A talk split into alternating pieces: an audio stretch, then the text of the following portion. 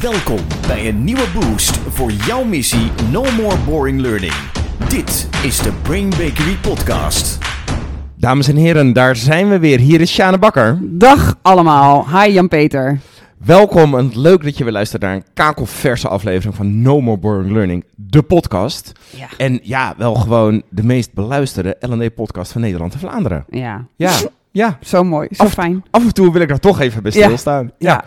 In deze podcast gaan wij het hebben over het feit dat je soms hebt dat een deelnemer in woorden en misschien ook in zijn gezichtsuitdrukking wel ziet dat er groeimogelijkheden zijn, dat er leermogelijkheden Ja. zijn, maar dat hij dan toch een soort arsenaal aan, aan beschermingsmechanismen op je afvuurt, waardoor hij uiteindelijk toch niet gaat groeien en leren. Ja, ja, En wat we zien is dat daar een, een aantal categorieën in is ja. een aantal beschermingsmechanismen die soms best lastig zijn om als trainer mee om te gaan.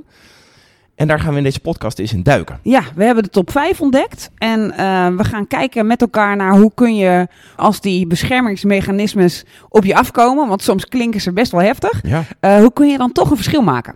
Voordat we naar die beschermingsmechanismen gaan, laten we eerst eens kijken naar wat is nou eigenlijk je rol als trainer? Wat, Ja. wat sta je daar nou eigenlijk te doen. Ja. Ja. ja, nou, goede vraag. Een trainer is volgens mij iemand die mogelijkheden opent voor een ander. Dus iedereen weet al van alles van zichzelf en kan, is al succesvol en is al goed bezig. En als trainer ga je eigenlijk naar binnen met: ik heb hier nieuw gedrag, ik heb een nieuw idee, ik kijk op een andere manier en daar kan ik je mee helpen. En daarmee kan ik iets openen wat daarvoor misschien nog een beetje dicht was of waarvan je dacht dat hoort niet bij mij als deelnemer. Maar eigenlijk ontstaat er een soort aantrekkelijk, een lonkend perspectief. Maar iets wat misschien ook wel een beetje pijn doet, Ja. want hm, je doet het nog niet.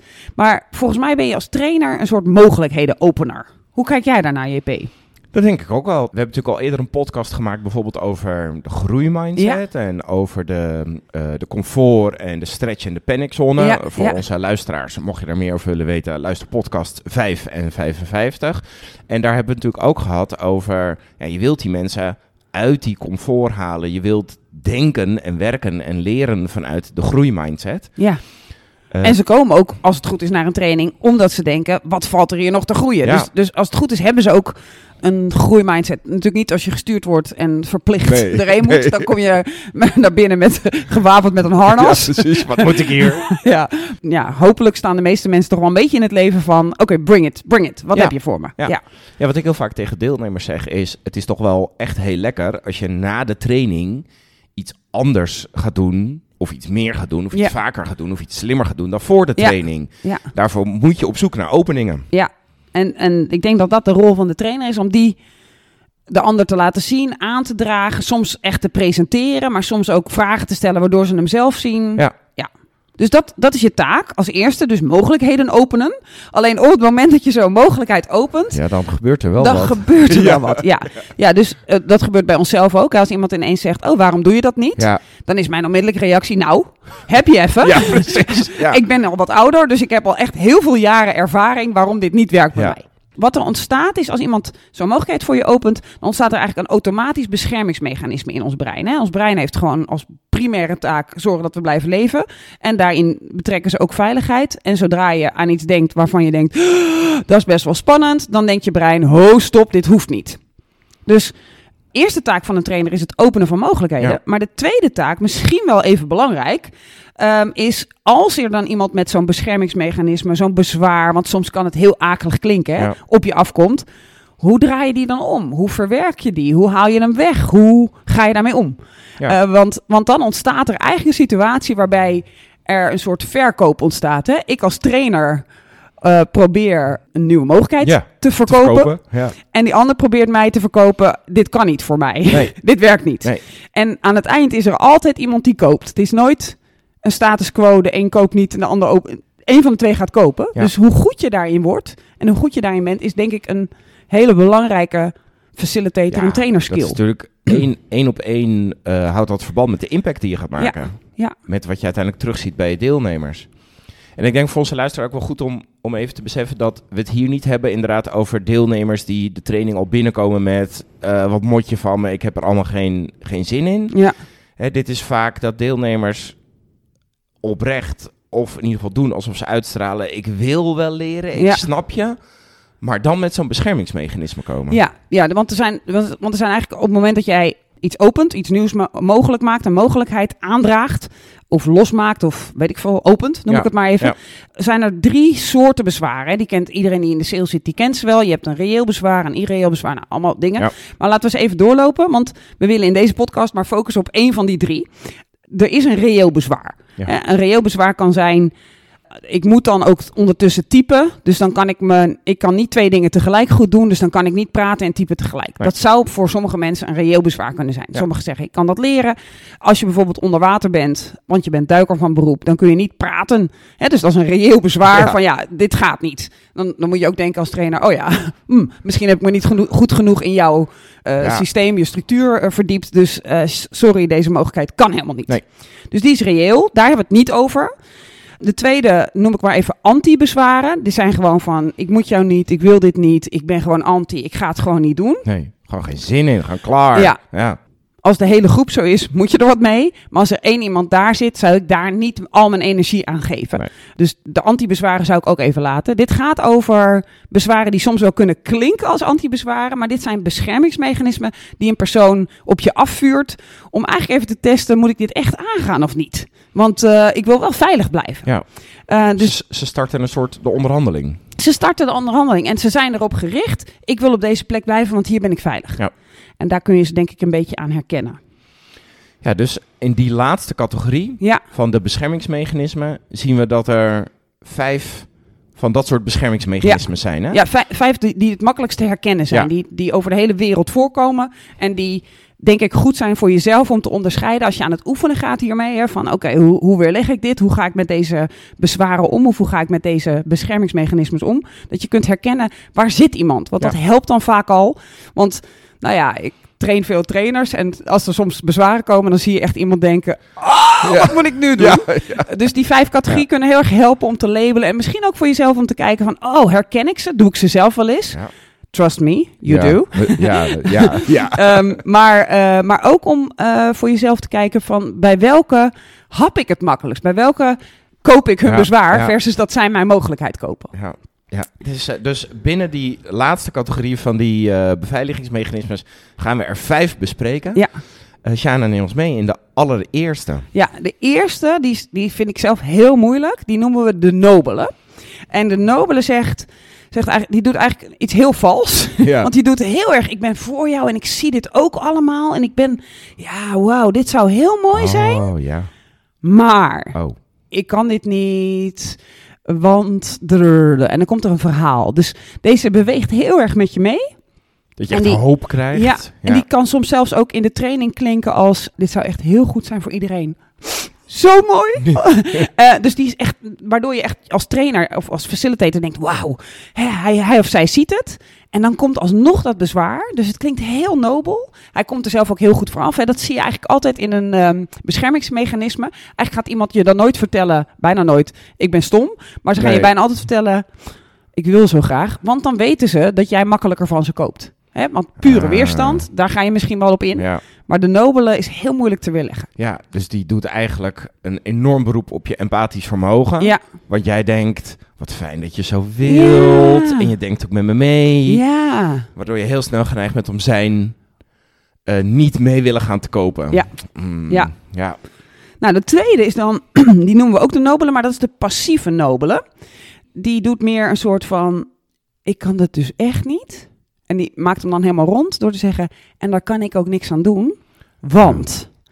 Ehm, dus die, die, die beweegt niet heel erg mee, zoals de echte nobele. Nee. Maar die doet, die doet gelijk een soort uitleg van... ja, toen ik twee was, had ik dit al. Toen ik vier was, had ik dat al. Er is iets met mij mis, waardoor ik dit niet kan. En dat weet ik echt heel zeker. Want kijk maar naar deze 77 eh, bewijzen Argumenten, ja, ja, ja. en argumenten die ik verzameld heb. Dus dat is de passieve nobele. Ik kan hier niks aan doen. Zijn het bijvoorbeeld ook mensen die, die van die uitspraken doen als...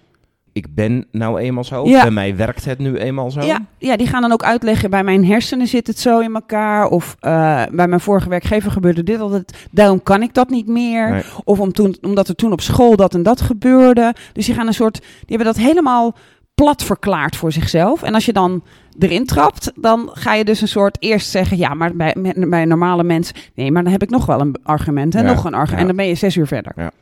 Dus deze zitten echt wel hardcore in de fixed mindset. Deze zit hardcore in de fixed mindset en is een passieve nobele. Ja. Want nog steeds een soort welwillend, Ja, ja. niet anti jou, maar wel heel veel uitleg. Ja. ja, dus deze gaat niet vervelend naar jou doen. Nee. Nee, waardoor jij ook wel weer denkt... Ja, Ja, het klinkt ook allemaal ja, heel aannemelijk. ja. ja. ja. En, en ze kunnen op den duur natuurlijk wel vervelend gaan Ja. doen als jij aanhoudt. Eh, maar ze openen met, eh, ja, heel mooi, maar nee. Nee, nee, niet bij mij. Want, want bij mij is er dit en dit en dit en dit aan de hand. Ja. Eh, dus eh, als je dan roept 86 miljard hersencellen. Er is nog nooit een hersencel, een, een Ja. hersenpartij opengemaakt door een neurochirurg die zei: Jij kan dit niet. Dan zegt zij: Bij mij, bij mij, Bij mij wel. wel. Ja. Ja. Ja. Oké, dus we hebben de nobele, we hebben de passief nobele. We gaan naar de derde. Ja, die is heel eng. Dat zijn mensen die echt plat getraind zijn, die al heel veel cursussen hebben gevolgd. Mhm. En dat noemen we de verhevenen. En wat de verhevene doet, is echt heel moeilijk eh, om mee om te gaan. En ik moet zeggen dat ik me daar zelf ook wel eens schuldig aan maak. Is die zeggen eigenlijk van, wauw, wat een goed idee heb jij. Ik heb dat zelf al een heel aantal keer geprobeerd. Ja. En dan maak ik ook echt een plan en zet ik ook alles klaar. En dan doe ik echt allerlei dingen voor. Maar dan uiteindelijk, als het puntje bij het paaltje komt, dan doe ik het toch niet. Eh, en kennelijk wil ik het dus niet echt. Oh, dat is een... eh, ja. oh, en dat dan zo'n big smile Ja, erbij. ja. Zo van, want eh, dit is dus een hele mooie cirkelredenatie. Want als ik het zou willen, zou ik het wel echt doen. Ja. Eh, maar ik doe het dus niet. dus Dus, niet, dus en dan, het woord kennelijk is hier echt cruciaal in. Kennelijk betekent dat dat ik dit toch niet kan, toch niet wil. Maar, maar weet je, ik ben wel echt heel erg met jou mee en, en ik vind dit heel goed. Maar ja, alles al geprobeerd en kennelijk is het toch niks voor mij. Oh, maar deze... Ja, ik weet, ja, hier maak ik me ook wel eens schuldig aan. Ja. Ik heb hem wel eens bij jou Ja. gehoord. bij mezelf ook hoor. Ja, Ja. ja. ik Ja. Mm. denk eh, mijn lieve vrouw ook wel eens bij mij. Ja. ja. ja, dus dat is de verhevene. Die, die zegt eigenlijk van... eh, ja, ik, ik sta hier eigenlijk boven, want ik wilde dit al. Maar kennelijk is er een reden in mij die ik verder niet kan Nee, verklaren. nee, degene plaatst het dus ook heel erg buiten Ja. zichzelf. Ja. Ja, want anders Ja. zou ik het wel doen. Want ik lijk het echt te willen, maar omdat ik het dan niet doe, wil ik het dus kennelijk toch niet. Nee, En ik heb geen eh, controle over mijn eigen wil. nee, nee daar, daar zit het inderdaad. hè. Het soort het universum bepaalt voor mij Ja. dat ik het kennelijk niet Ja, wil. Kennelijk eh, Ja. is er iets eh, buiten mij Ja. enorm aan de hand. Maar dan heel verheven vertellend, Ja. waardoor als je luistert als trainer en je bent niet scherp, denk je echt, ja, ja, ja, ja, ja. Oh, Oké, nou, goed om te weten en door. Ja, ja. En je hebt ineens Ja. gekocht. Ja. Ik merk ook wel even, ook vanuit, vanuit dat deelnemersperspectief, ik zei net, ik heb hem zelf ook wel eens gedaan. Het voelt ook best wel slim. Ja, je En terecht ook wel, maar ook wel ja. slim. Ja. Ja. het is een hele handige. Het, is, het is echt van, eh, nou, good luck hiermee. Ik weet niet welke wapens jij hier tegen hebt, maar mijn schild is gewoon, eh, ik heb gewoon een enorme keiharde bubbel om me heen. Je komt hier niet doorheen. Nee, Kennelijk eh, wil de ik niet. Ja, we wilden al jaren Ja. een podcast maken. We hadden ook alle spullen in huis. En eh, Ja. toen gingen we hem toch niet maken. Dus kennelijk wilden we het toch niet. Nee. What? Ja, als je er goed naar luistert, dan prik je er doorheen. Ja, oké. dus eh, we hebben nobele, we hebben verhevene. Ja. We gaan naar nummer vier. Ja, dat is, die noem ik even de buiten jezelf plaatser. Eh, Dat is een, een hele goeie. Die gaan dus zeggen, ik wil wel, maar zij van de organisatie. Dan hoor je ook vaak dat Ah, ze ja. ineens eh, de organisatie zelf noemen. Eh, dus als wij Brain Bak- Bakery zijn, dan zou je dus zeggen... Ja, ik wil dat wel, Ja, maar Brain Bakery wil niet. Wie is Brain Bakery? Ja. Ja, nee, of eh, de klant wil dit niet. Of iemand zit hier niet op te wachten. En die iemand is altijd een soort ongrijpbaar, groot... Iemand met wie je Ah, niet in ja. gesprek kunt. Dus dit is echt iemand die het buiten zichzelf plaatst. En, en ook zegt van, ja, ik ben hier machteloos tegen. En dat doen ze dus door de ander heel groot te maken. Dus niet aan te wijzen deze persoon. Nee. eh, maar door te zeggen, de organisatie, men, de burger, Ja, de klant, de patiënt, het systeem, Ja. die wil dit niet. Ja, de markt. Ja, Dus dit is niet eh, hetzelfde als een deelnemer die zegt... ik zou wel willen, maar mijn manager werkt hier niet aan mee. Van dat is dan... nee, want dan kun je gaan zeggen, wat doet je manager dan? Ja. Want, maar, maar doordat ze hem heel groot maken, denk je, Waar moet ik beginnen? Maar- precies. En da- dat is precies wat ze hopen, waardoor je dan zegt: Oh, oké. bedankt. Ja. En door. Ja, nou, Laat dan, deze- hoef, dan hoef jij dit Nee, niet te doen. dan hoef jij dit hè? niet te doen. Nee. want als de hele organisatie hier tegen is, Ja, en dan sta je dus weer buitenspel als, eh, als trainer. ja. Ja, oh jeetje, wat een nare. Ja, Ja. en slimme ook Ja, wel weer. hij is heel handig. Ja. Eh, we gaan naar nummer eh, vijf. Ja, de laatste die heel veel voorkomt is, dan zie je dat die deelnemer echt wel denkt, oh, ik zou dit willen. Of je merkt het aan jezelf, hè, als jij zelf eh, groeihonger hebt. Ja. Dan zie je hem een soort gaan van ja, ja, ja, ja, ja. En dan ineens komt er, ja, maar waarom zou ik eigenlijk, want ik ben nu toch ook eigenlijk heel gelukkig. Het gaat Oh. nu toch eigenlijk ook al goed. Dus die is, die is ook best wel een soort. Wat ze daarmee doen, is dat ze tegen jou als facilitator, als mogelijkheden opener zeggen. ehm, vind je dat ik het niet goed doe of zo? Ja. Een soort, het is een soort, een soort onderhuidse dominantie. eh, van probeer mij nu eigenlijk te vertellen dat mijn leven niet oké is? Dat ik mijn werk ja. niet goed doe? En dan als je erin trapt, ga je dus heel hard. Nee, maar dat zeg ik niet. Nee hoor, je doet je wel heel goed. goed. Ja, nee, het is alleen een mogelijkheid. En dan Ja. ga je een soort in een defense, verdediging. En dan zeggen ze, oké, nou dan ga ik nog, toch nog even over nadenken. Want ja, ik ben nu toch eigenlijk ook al gelukkig. Hè, ik herken hem heel erg. Ik heb natuurlijk 100 jaar gedieet. Eh, ja, dat je dan een soort... eh, 's ochtends nog denkt, ja, sporten heel goed, heel goed. En dan vlak voor het avondeten denkt... Ja, maar eten is toch ook heel fijn? Ja, ja. En ik ben toch ook heel gelukkig Ja. zoals ik nu ben? ja. Ja, Hè, dus volgens mij, wat je voelt als deelnemer is dat je op een gegeven moment voelt, oh die opening, die opening, Ik- ja, dat zou lekker wil, zijn. Maar ja. dan komt er ook wat angst en paniek van, oh dan moet ik echt dingen anders gaan doen. Ja. Of ik moet even iets spannends gaan doen. En dan denk je, toch maar weer een stapje terug. Ja, want ik ben nu toch eigenlijk ook gelukkig. Ja. Probeer me nou iets aan te praten dat ik niet gelukkig ben. Ja. En eh, dan eh, mis je natuurlijk de boot als trainer en als facilitator. Ja. En dan kan je neiging zijn om te gaan verdedigen. Ja. Ja, en als je daar dus in meegaat als trainer, door te zeggen, nee, je bent ook heel gelukkig of het gaat ook al goed, dan versterk je natuurlijk Ja. het. En, dan- en, en waar je Ja. dus die, om die mogelijkheid te creëren, heb je een klein beetje pijn gedaan. Heb je gezegd van, het zou toch wel mooier kunnen. En dan gaat iemand zeggen, maar het is nu toch ook al mooi. En als je dan meegaat, ja, dan ben je verloren. Hè? Ja. Dus we hebben nobele, verhevene, het buiten jezelf plaatsen en de dooddoener. En de passieve nobele ook Ja, nog. Ja, ja. ja. Dus het is denk ik wel even leuk om voor jezelf af te vragen. Als je die, ik weet niet of je hebt meegeschreven als luisteraar. Als je even kijkt van welke van deze is gewoon mijn Achilleshiel. eh als iemand anders die met mij doet. En eh, ik ga hem zo ook aan jou vragen, Jan-Peter. En welke zet jij in om jezelf te beschermen? Welke, welke is jouw favoriete beschermingsmechanisme? Ik weet welke ik het sterkst voel, Ja, maar ik denk dat ik een andere vaker gebruik. vertel, vertel. Ja, ik denk dat, dat, dat we net, ik denk dat ik die verhevene, dat ik daar meteen voel, oh wat is dat een sluwe. ja. ja. Ehm, Maar ik denk dat ik de passief nobele het vaakst gebruik. ja. Ja. ja. En soms geloof je dat ook echt op dat moment. Maar dat is het erg, hè? Je, dit is niet een, een valse truc die zij bewust inzetten. Dit Nee. is wat er ontstaat. Als je, dit is een soort normaal menselijke reactie op, de, op die mogelijkheid die opent, Ja. op die opening die er is. Ja. En dan is het oh, defense. Het heeft te maken met, als ik hem betrek op mezelf, met hoe je naar jezelf kijkt. Ja. En eh, er zijn talloze mogelijkheden, maar als je naar jezelf op een bepaalde manier kijkt en daar dus inderdaad een fixed mindset of een overtuiging over hebt, ja, dan ga je sommige mogelijkheden, en bij sommige mensen die mogelijkheden openen, Ja. ga je zeggen, ja, klinkt echt super verstandig, maar, Maar- ik, maar ik, ik kan dit niet. Nee, Nee, of zo ben ik niet. Nee, precies. Of het past niet bij Nee, me. en, en trouwens, ik ben al iets ouder, dus ik heb ook al heel veel jaren bewijs Ja. hiervoor. Want ik heb het al eerder geprobeerd Ja. ook. ja, Ja, ik denk dat ik die het meest eh, toepas. ja herkenbaar. En jij, uh, Shana?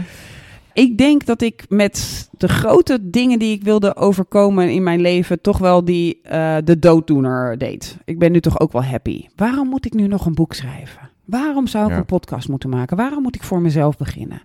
Ik, ben nu ik doe het toch al goed? En dan daar doorheen boksen van ja, dat klopt. Ja. Dat, dat ontkent niemand. Nee. Dat is ook zo. Je mag ook happy zijn. En bloody hell, wil Ja. je niet wat meer? Wat gaan we doen? Ja, dus, ehm, dus die, die, dat is mijn grootste strijd. Oké. Ja.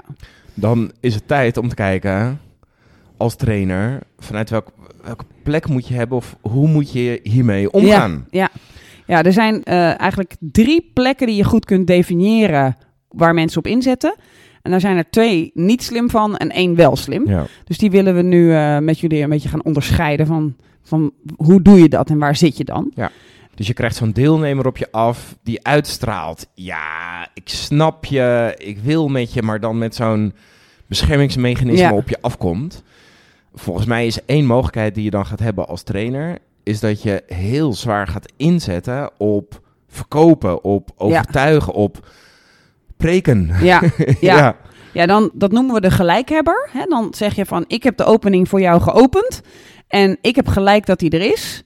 En dan ga je eigenlijk compassieloos ga je gewoon doorduwen. Ja. Argumenten geven, je gaat de strijd aan, het wordt een beetje vechten. En je gaat echt een soort kamp betrekken, waardoor je eigenlijk de ander forceert om ook een kamp te betrekken. Ja. Waardoor er heel weinig mogelijkheid meer is. En dan ontstaat er een binnen-verliezen situatie, waarin jij eh, gelijk hebt. Eh, en waarbij andere deelnemers waarschijnlijk wel zien, oeh, ja, je hebt echt gelijk. Waardoor je, waar je je dan aan vasthoudt, maar je, je wint niet met die deelnemer, Nee. omdat het ineens over winnen en verliezen gaat. En bij mogelijkheden openen gaat het nooit over winnen en verliezen. Het gaat over wat is er mogelijk en niet wie wint hier. Ja. Dus de gelijkhebber is een, eh, een grote valkuil, met name bij trainers die heel erg veel op content inzetten, die heel erg eh, veel slides hebben, veel weten over het onderwerp, eh, ontstaat er vaak een wel eens niet te spel daar. En eh, dan, dan faal je. Het gebeurt gelukkig bijna niet meer, maar ik Ja. laat mezelf heel af en toe er nog inzuigen Ja, in zo'n discussie. En dan ineens ontdek ik bij mezelf...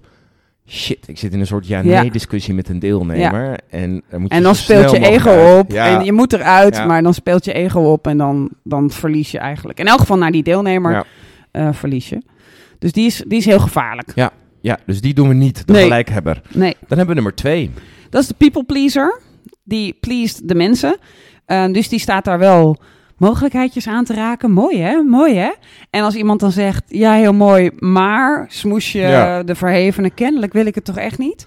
Dan zegt de people pleaser, nou ik ben hier niet om jou echt, ik laat alleen de mogelijkheid zien. Maar het is aan jou Ja. om het te doen. Dus eh, als je het niet wilt, is het ook goed. Even goede vrienden. En dan ga je gewoon lekker voor de acht. Dus dan ben je ja, de ander aan het pleasen. eh, je bent mee aan het praten en je geeft ze eigenlijk gelijk. Dus dan kun je je afvragen, waarom heb je dan die opening geopend? Ja. Waarom heb je dan die mogelijkheid laten zien? Want als je vervolgens akkoord gaat met dat ze hem wel zien, maar niet gaan, versterk je eigenlijk hun fixed mindset. Dus wat ben je dan van lor? Ik kan me zomaar voorstellen dat dit een plek is waar veel trainers op zitten. Ja, ik denk dat ze, dat, dat ze allebei, eh, zowel de gelijkhebber als de people pleaser, veel voorkomen. En ik denk dat het ook eh, voor, som- voor sommige onderwerpen, ik merk bij, bijvoorbeeld bij mezelf, hè, als ik iets doe over diversiteit en iemand valt dat aan, dan ga ik onmiddellijk in de gelijkhebber. Dus Ja. daar moet ik heel erg voor waken om dat niet te doen. Dus je kunt zelfs per onderwerp gaan kijken waar ga ik zitten. En ik merk soms ook wel eens dat ik eh, niet de people pleaser doe, maar de derde optie. En dat iemand dan een soort doet, oh, je bent heel streng en heel heftig. En dat ik daar dan ook weer gevoelig voor ben. Ja.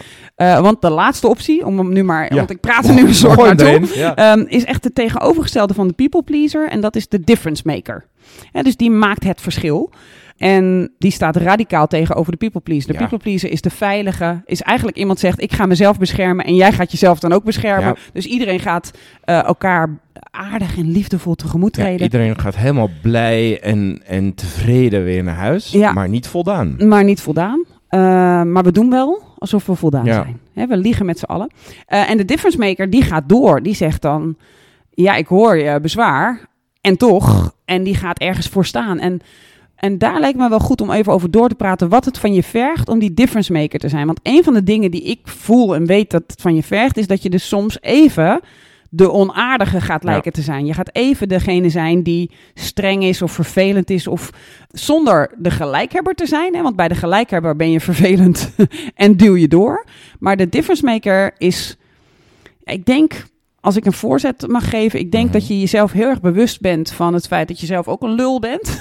Die ook een beschermingsmechanisme heeft en Ja. die ook de hele dag iets wil, maar toch niks doet. Hè? Dus een soort fundamentele ja, humbleness, hoe noem je dat? Eh, Ja. Ja, bescheiden. En, en. En, en dus erkennen dat wat jij nu op mij afvuurt, dat snap ik echt. Ik, ik heb ook op die plek gezeten en waarschijnlijk zit ik er misschien morgen in mijn privéleven ook weer op die Ja. plek. En ik zit waarschijnlijk op een hele aantal andere plekken waar jij daar niet zit, zit ik er. Ja, Dus dit is helemaal oké. ja. Het is een, een soort. En, en ik ben net als jij. Ik ben niet boven jou. Nee. Ik ben niet hier jou een lesje aan het leren. Want dat boven jou, dat is echt die, die gelijkhebber. Ja. Dus we zijn equal.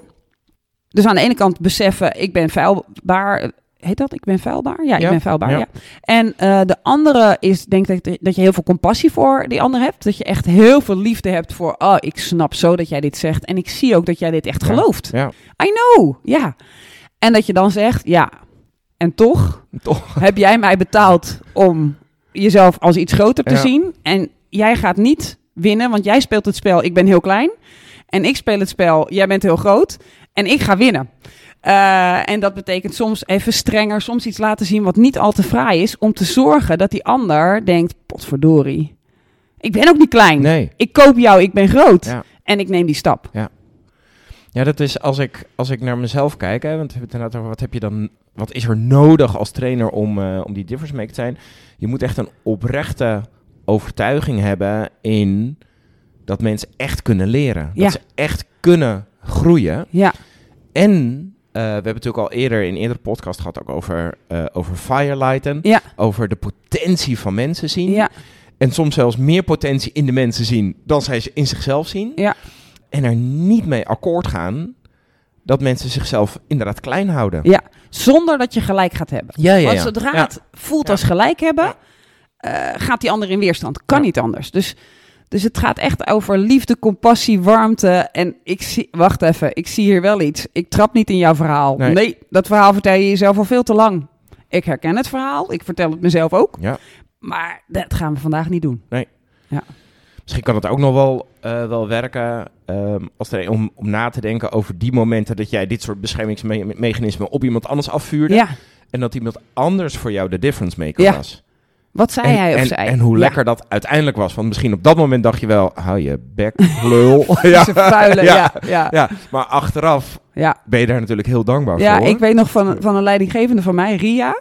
Die, ehm, die, dat was een soort, eh, die, die kon alles, die was veel ouder dan ik, die wist alles. Ik was heel jong, het was volgens mij mijn eerste of mijn tweede serieuze baan, Mhm. hè, buiten de snackbar of het restaurant. Waar ik trouwens ook wel serieus hard werkte. Maar goed, dit was een Ja. baan richting de L&D. En ehm, ik weet dat ik hele moeilijke gevallen, die moest ik met haar overleggen als ik een moeilijk geval had. Maar dat bleef ik een soort doen. En op een gegeven moment was dat zo'n gewoonte geworden dat zij was er een soort mee akkoord gegaan dat ik dat niet zelf kon. Maar toen deed ik dat op een avond vlak voordat zij het podium op moest voor 300 man, liep ik nog, Ria, nog even, ik heb hier nu toch een geval. en toen zei ze, keerde ze zich om en ze zei echt heel strak, volgens mij betaal ik jou om dit te doen. Ik vind het prima dat ik het overneem, maar dan wil ik ook je salaris. En ze Oh. draait zich zo om en loopt het podium op en zet een stralende lach op voor die zaal. En ik weet dat ik eerst dacht, jij vieze, Ja, vuile. ja, ja. En dat ik daarna dacht, kut, Ja. je hebt zo gelijk. En die ene opmerking, die nare opmerking, liet mij zo groeien. Ja. Dat, ja, de difference maker klinkt niet altijd liefdevol. Is wel heel liefdevol, want ik denk dat dit het mooiste is wat ze voor me kon doen. En ik denk dat ze het nu pas durfde, omdat ze zelf onder grote druk stond. Omdat ze eigenlijk een beetje had gekocht. Ik zal die Sjaantje eens een beetje helpen. Maar dat maakt het echt een verschil. Ja, dat is wel een goeie. Ook voor, voor onze luisteraars. Die, vanuit die compassie ben je dus niet per se likable. Nee. Op de lange termijn wel. Ja. Maar op dat moment... Het is eigenlijk Ja. het liefste wat je kunt doen, maar het klinkt niet lief. Nee. Want de people pleaser klinkt liever. Ja. Die zegt, ah nee hoor, heel goed, zo goed, zo goedie goedie. Ja. ja. Maar die goed. krijgt de acht. Ja, Ja. dus wat belangrijk is eh, voor de luisteraar en voor iedereen, ehm, is je kunt dus niet een script hebben om de difference maker te zijn. Nee. Wat het meeste helpt is weten, oké, wanneer zit ik in de gelijkhebber, want daar wil ik niet heen. Wat het andere goede is wat helpt, is ik wil niet die people pleaser zijn, niet akkoord gaan met hun voorstel. En dan te gaan zoeken, wat is er voor nodig om hier nu het verschil te maken? Zonder de gelijkhebber te worden, zonder de people pleaser te zijn. Ik denk dat als je die eh gelijkhebber ehm, eh, of die people pleaser, als je die te veel bent. Ik denk dat mensen vooral die people pleaser wel als fijn ervaren, maar je trainingen uiteindelijk ook best wel boring zijn, Ja. omdat je gewoon geen impact maakt. Ja. Er gebeurt gewoon niet zoveel. Nou, en- maar mensen denken wel, wat heb ik een mooi inzicht. Ja. Oh, mooi. Heel mooi. Ja, dus Heel op mooi. dat moment zijn ze heel blij, Ja. maar, maar ze groeien er niet echt van. Nee, Kirkpatrick level 4 kun je Ja. niet meten. Nee. Maar Kirkpatrick level 1 scoor je er misschien wel de 9, omdat je zo lief pleest. Ja. Nou, dus no more boring is be a difference maker. Ja. Nou, die sluiten we mee af. ja. Ja, iedereen, hè, wat lekker dat je weer hebt geluisterd. Uh, laat, als je dit een leuke podcast vindt, vooral een aantal sterren, het liefst vijf, achter via het platform waarop je luistert. En heel graag tot de volgende keer. No more boring learning. Dit was de Brain Bakery podcast. Wil je meer weten? Kijk dan op brainbakery.com of volg ons op onze socials.